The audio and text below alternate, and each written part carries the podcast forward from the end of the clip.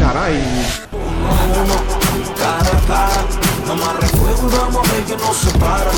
Hace unos días colgué un anuncio eh, diciendo que iba a hacer un cara a cara de nuevo. Cara a cara, frente a frente otra vez. Buenas noches España, buenas noches Europa, buenas tardes América. Saludos cordiales a los que nos siguen a través de Internet desde cualquier parte del mundo. Bienvenidos amigos a esta nueva edición de su programa Cara a Cara. Saludos. Recala esta vez el cara a cara en la política internacional y cómo las decisiones que en ese ámbito se toman tienen repercusiones en los eh, ciudadanos, estén a, a 10, a 100, a 1000 o a miles de kilómetros. ¿De qué hablo? Pues de esa decisión o anuncio que ya conocéis, que Google va a dejar de prestar servicio a, a Huawei. ¿Y qué va a pasar o qué puede pasar si tienes uno de estos terminales? Bueno, pues para resolver este tipo de dudas nos acompaña aquí en Pontevedra Viva Radio Juan Montes, que es empresario del sector de la telefonía móvil. Me decía que de- desde hace 20, 20 años, añitos. 20 añitos ya. Dos telediarios. Efectivamente. Dos telediarios. Eh, Juan, entonces, esa primera pregunta. Estamos eh, hablando de la primera marca de terminales que, que se venden aquí en España. Bueno, en España y en... En el año 2018, Huawei ha sido líder de ventas en terminales, ligeramente por encima de Samsung. Casi están a la par, pero ligeramente por encima Huawei. Ajá. Y en otra medida está Apple, pero muy en la distancia, con un 10% fo- aproximadamente el mercado español. Eh, si eso lo extrapolamos al mercado internacional pasa lo mismo, ¿no? El mercado mundial también. Simplemente damos un vuelco, en la, en- intercambiamos la primera y segunda posición. Samsung está a nivel mundial ligeramente por encima de Huawei, pero bueno, estamos hablando de do- los dos líderes en ventas mundiales de teléfonos con sistema operativo Android. Eh, eh, ¿Podemos dar una cifra para que la gente se haga una idea del número de personas a las que puede afectar esta decisión? Vamos a ver, es que eh, aproximadamente en el mercado español podríamos hablar de que en los últimos 3-4 años ha avanzado sustantivamente eh, Huawei como líder en venta de terminales.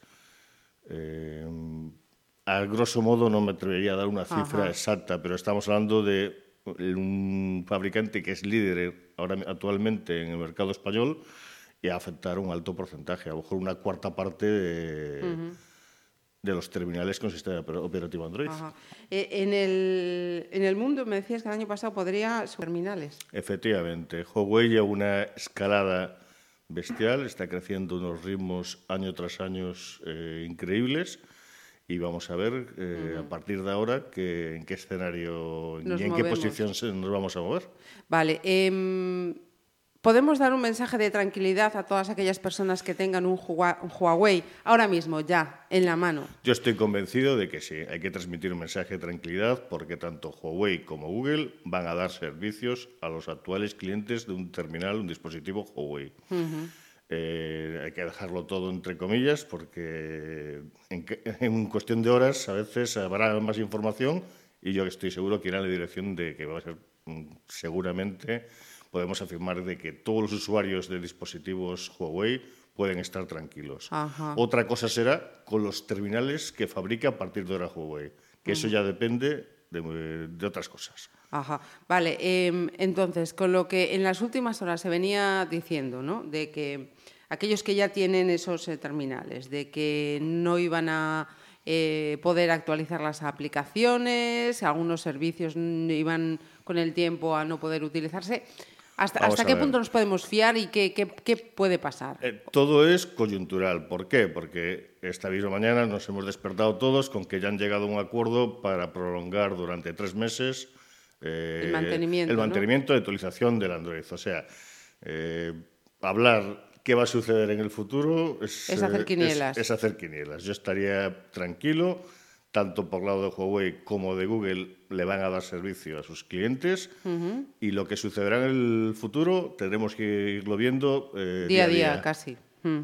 Porque eh, también estaba leyendo, estaba eh, escuchando que no solamente ha sido Google quien ha obedecido esa decisión a la lista negra de, de Estados Unidos, sino que también hay empresas que se dedican a la fabricación de componentes para móviles, en este caso componentes para Huawei, eh, pues como por ejemplo Intel, ¿no? Creo que era una de ellas que Ah, también anunciaba su veto. Efectivamente, hay un listado de empresas norteamericanas que una vez ha sido incluido Huawei en esa famosa lista negra, en teoría no le van a vender eh, por el momento eh, componentes. Huawei está preparada para ese tipo de componentes, no así para el sistema operativo Android, aunque está trabajando desde hace años en sistemas operativos Ajá. alternativos. Eh, no creo que se arriesguen, a no ser que no le quede otro remedio, a dar ese salto eh, ya. Ajá. Entonces, mm, el tema del sistema operativo eh, es más importante a nivel de, de daño a, a Huawei que no de componentes. Porque mm, leyendo, porque estamos hablando de, digamos que mm, una parte de, de- de toda, de toda la partida, ¿no? Una ficha de, to- de toda la partida. Leía también que hay varios escenarios. Tú nos lo estás diciendo todo el tiempo, ¿no? Que hay que seguir día a día qué es lo que pasa, qué puede ser. Eh, ¿Tú cómo ves eh, la posibilidad de que China desarrolle o aplique su sistema operativo? He leído eh, que incluso ya podría tenerlo, Kirin OS. Sí, pero la experiencia a lo largo del tiempo nos ha enseñado de que aventurarse por tu cuenta es muy arriesgado. No en el mercado asiático, que ahí ya lo están haciendo. Es algo que lleva funcionando en el mercado asiático. No funcionan con Android todos los dispositivos. Eh, en el mercado europeo, las experiencias que hemos tenido desde Nokia, que intentó implantar su propio sistema operativo e ir por, digamos, por camino diferente que el resto de fabricantes, les, llevó, les abocó a- al fracaso. Y a otros fabricantes que han tenido experiencias, eh, mismo Microsoft, que con los Windows Phone, pues, ha, ha sido otro ejemplo más de que el mercado va en una dirección y los fabricantes que han- no lo han querido seguir se han abocado al fracaso. Entonces, mm, solo como en una, una situación de emergencia veo a, a China eh, apostando y desarrollando ya sus, que llevan años ya trabajando, ya los Sí, tienen sí. sus sistemas alternativos. Demasiado arriesgado lo veo para los mercados que no son asiáticos. ¿Y, y apostar por Linux? A día de hoy eh, no lo veo factible porque los hábitos de la gente no se cambian de un día para otro y una vez estamos acostumbrados a un sistema operativo, no somos reacios a los cambios. Si algo nos funciona y conocemos, a- cuanto menos es muy arriesgado. Ajá. Y eh, esta decisión, este órdago, vamos a decir, que, que ha lanzado, ¿afectaría solamente a los móviles o también a otros Móviles y dispositivos? tabletas. Móviles y tabletas. Y tabletas. Vale, perfecto. A día de hoy. Exacto. Eso siempre digo lo de a día de hoy porque esto Sí, sí, puede cambiar en cualquier, en cualquier momento. Perfecto.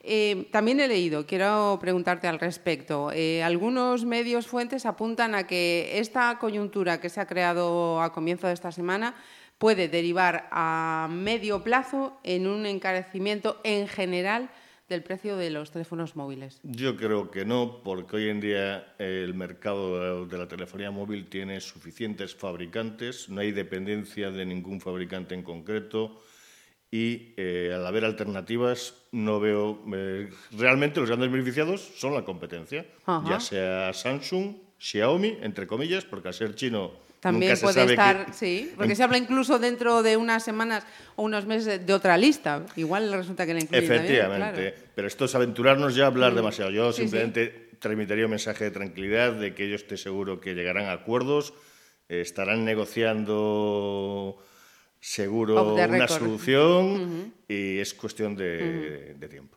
Porque mira, eh, nos vamos unos escalones más arriba de- de, mm, para tratar de mm, ubicar esta, esta decisión en, el contexto internacional. Eh, ¿Me confirmas o eres partícipe de que esto es una guerra comercial entre dos potencias, Estados eh, Unidos y China, en una guerra por eh, el dominio del 5G, es decir, en una guerra por el poder de la información en el futuro de- o del presente, ya, hoy, no sé si... hoy en día es, eh, digamos que el, el futuro de la tele- un sector tan maduro como el de la telefonía, eh, todos están esforzándose en desarrollar el 5G.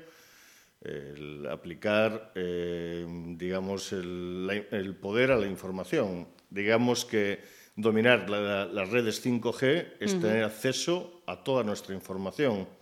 Y en esa carrera siempre hay dos potencias que quieren eh, demostrar Llevar su la mayor tarta, ¿no? El, el pedazo de tarta mayor. Efectivamente. Perdón, perdón, Juan, porque te decías, eh, eh, dominar esta información con la tecnología 5C, teniendo en cuenta que, que ya con la tecnología que tenemos ahora eh, estamos controladísimos. Porque tener un dispositivo ahora mismo eh, móvil en las manos es eh, tener toda tu vida, hábitos, costumbres, o sea, todo lo que haces en manos de mm, no se sabe quién. Sí, pero bueno, el 5G vamos hacia el Internet de las cosas. Aparte Ajá. del móvil, Sí. todos los dispositivos con conexión darán información sobre nosotros igualmente. Estaremos, Vamos a producir tal nivel de información de la cual eh, realmente no somos, no somos conscientes. conscientes. Ujú. No somos conscientes ya con la que damos ahora, con que, con que imagínate con, con el 5G. Y, y en esa guerra tú te atreverías a... decir que- Realmente eh, ahí ya nos movemos a, unas- a unos niveles. Vamos a ver, eh, Europa en sí había apostado por el desarrollo del 5G de mano eh, conjuntamente con los chinos, con Huawei. Eh, ¿Qué va a pasar después de esto? Pues yo creo que no lo sabe nadie. Estamos Porque eh, hablando Europa es un invitado de piedra en esta guerra de- o... real- por desgracia, somos dependientes tecnológicamente en el desarrollo del 5G. Entonces, como tal, somos meros espectadores que tomaremos parte por, por lo que decidan. Pero realmente eh, los planteamientos serán, en España en concreto, eh, a través de Huawei, Ajá. hacer el, el desarrollo de la red 5G. Pero bueno, vamos a dejar todo ahí en suspensión. A ver qué pasa. seguiremos. Esto es como un culebrón, vamos. Eh, juego, luego dicen Juego de Tronos. Bueno, hombre, con lo que tenemos aquí. Mira, eh, volvemos al, al tema de, de inicio. Vamos a, a ver qué pasa eso en, en ese, en ese plazo que, que han dado para ver si se aplica, si no se aplica. Pero mm, en caso de que haya eh, disfuncionalidad en estas terminales, que haya algún problema, los eh, usuarios que tengan un Huawei mm, tienen derecho a, reclamar, pueden presentar reclamaciones. Vamos a ver, eh, es un tema muy complicado. Eh, reclamar, eh, existe una ley de garantías que le cubre en, en sus derechos, pero eh, tiene todo matices. ¿Por qué? Porque yo estoy seguro que le van a dar servicio y como le van a dar Ajá. servicio, No eh, no- yo creo que no vamos a llegar a esa situación. Lo que sucederá en el futuro, no lo sé. Eh, ahora estamos todos con el miedo. sobre el todo la- impacto, sí. es, voy a poder seguir utilizando mi Instagram, mi Facebook, mi cuenta de, de Gmail, Gmail. Mm, yo, yo transmitiría tranquilidad. Yo creo que esto no le interesa a nadie. La guerra tecnológica eh, son tiras y aflojas, se llegarán a acuerdos y el tiempo dirá si estoy en lo cierto o no, pero yo creo que seguirá en esa dirección. O sea que no- si nos quedamos con una referencia es eh, tranquilos, eh, que los que tengan un teléfono Huawei van a poder van, seguir. a, eh, van a seguir disfrutando haciendo- de las mismas funcionalidades y del mismo servicio. Eh, de cara al futuro, eso es lo que está por ver. Seguramente, en caso de que no lleguen a acuerdos, pues nada, hay más, más fabricantes en el mercado y Huawei abandonará, el- abandonará el mercado europeo y listo. Pero no creo que se llegue a esa situación. Pero bueno, eso todo siempre con mucha El, el tiempo lo dirá, ¿no? Como se suele decir. Pues Juan Montes, muchísimas gracias por hacernos un huequito y habernos a- aclarado todas estas cuestiones. Muchas gracias. A vosotros. Cara a cara, nos volvemos a ver. Cara a cara. Pontevedra Viva Radio. Oh.